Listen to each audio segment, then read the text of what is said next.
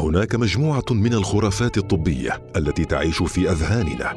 هنا سنتعرف على هذه الخرافات وأهم النصائح المتعلقة بها. شوربة الدجاج. من أشهر أسلحة الأمهات لعلاج نزلات البرد.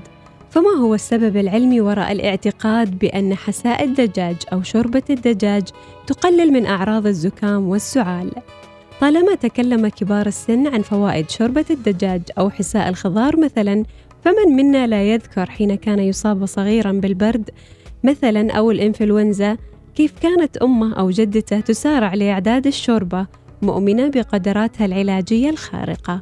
خلونا نتعرف على التفاصيل في خرافات طبية. خرافات طبية مع سميرة الفطيسية يبدو أن الأمر صحيح من وجهة النظر العلمية فقد أثبتت دراسات قام بها باحثون في جامعة نبراسكا في الولايات المتحدة الأمريكية أن شوربة الدجاج الساخنة قد تكون أفضل علاج في مواجهة نزلات البرد، فهي تساعد على التخفيف من حدة أعراض نزلات البرد التي تصيب الجهاز التنفسي. لكن لماذا هذا الحساء؟ لما له من فوائد وخصائص مضادة للالتهابات. فقد راقب الباحثون تأثير شوربة الدجاج على سرعة حركة نوع معين من خلايا الدم البيضاء ينتجه الجسم عادة لمحاربة العدوى ليختبروا ما إذا كانت حركة هذا النوع من الخلايا تحديدا تزداد سرعة أم تقل مع تناول شوربة الدجاج. خاصة أن الباحثين يعتقدون أن سرعة حركة هذه الخلايا هو العامل المسؤول عن ظهور أعراض البرد.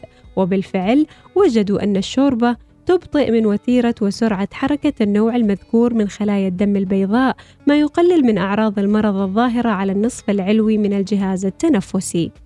يذكر أيضا أن الجسم عادة يحتاج خلال البرد أو الزكام إلى تعويض السوائل التي يفقدها كما أن الحساء الساخن واللهب المتصاعد منه مع البهارات التي توضع فيه يساعد في تخفيف احتقان الحلق والمجاري التنفسية وتليين المخاط الذي يرافق عادة الزكام أو نزلة البرد.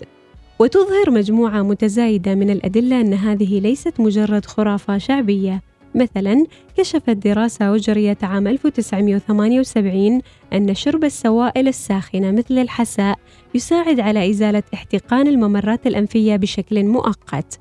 فالحقيقة باختصار شوربة الدجاج قد لا تشفي الزكام ألا أن شوربة الدجاج اللذيذة قد تساعد في تسريع الشفاء وتخفف من العوارض. خرافات طبية مع سميرة الفطيسية يأتيكم برعاية.